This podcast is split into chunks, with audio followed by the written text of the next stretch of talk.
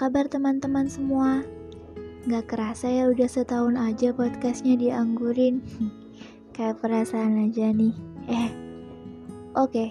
Seperti yang sempat aku bilang di episode perkenalan tahun kemarin Kalau masih ingat Yang namanya rencana ya kita nggak tahu ke depannya bakalan gimana Ternyata perjalanan sebelumnya yang sudah direncanakan tiba-tiba harus berhenti karena Hmm, ya mungkin memang belum saatnya saja untuk melanjutkan perjalanan. Tapi, kabar baiknya, rencana perjalanan panjang yang berhenti itu kali ini akan dimulai kembali. Rencana perjalanan panjang yang terhenti itu membuat saya belajar banyak hal.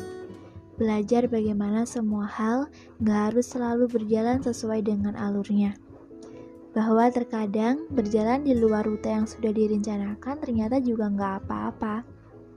Contohnya nih, kalau kita sedang berada di jalan raya dan jalanannya tiba-tiba macet, pasti kita akan mencoba cari jalan lain dengan lewat di tepi jalanannya atau bahkan cari jalan lain yang nggak terlalu macet dari jalan yang sedang kita lewati. Tapi, Sekalipun jalanannya macet total, pasti akan ada saat di mana kita bisa melanjutkan perjalanan. Kan, kalau ada lampu merah selama apa pun juga, masih akan ada lampu hijau kan? Ya sama, hidup itu kayak gitu. Kayak kendaraan yang kalau ketemu lampu merah harus berhenti, dan kalau lampu hijau baru bisa lanjut jalan lagi. Kenapa? Ya, hidup titik tumpuannya emang ada pada waktu. Apa-apa kalau bukan atau belum waktunya, pasti nggak akan kejadian. Kalau dipaksakan, pasti nggak akan baik. Kalau pas lampu merah kita jalan terus, yang ada kita akan mengacaukan lalu lintas pengendara lain.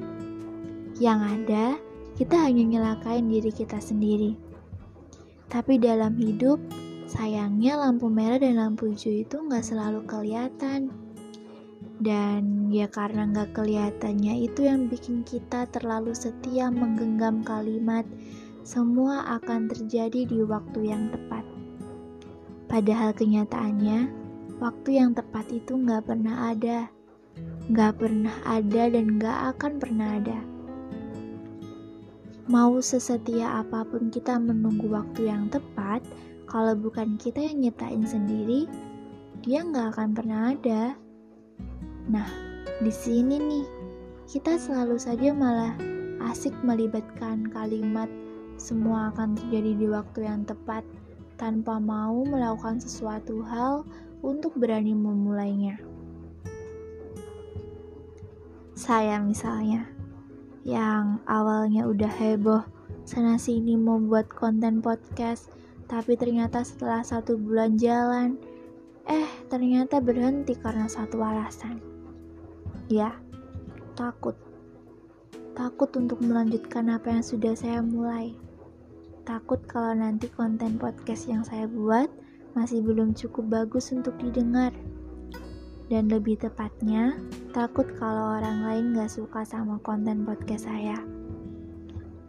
Lalu akhirnya saya memilih untuk berhenti. Saya berhenti dan mencoba belajar mencari tahu bagaimana sebuah karya bisa disukai banyak orang. Belajar menjawab pertanyaan-pertanyaan yang ada dalam kepala saya tentang konten yang gimana sih yang kira-kira mereka akan suka. Dan ya ujung-ujungnya satu tahun pun berlalu dan saya masih berhenti di tempat yang sama. Yang tiba-tiba, secara tidak langsung membuat saya sadar, ini ya kalau nggak dimulai dari dulu ya gimana saya mau tahu karya saya kurangnya di mana. Kalau nggak dimulai dulu ya gimana kita tahu orang lain bakalan suka atau enggak sama karya kita.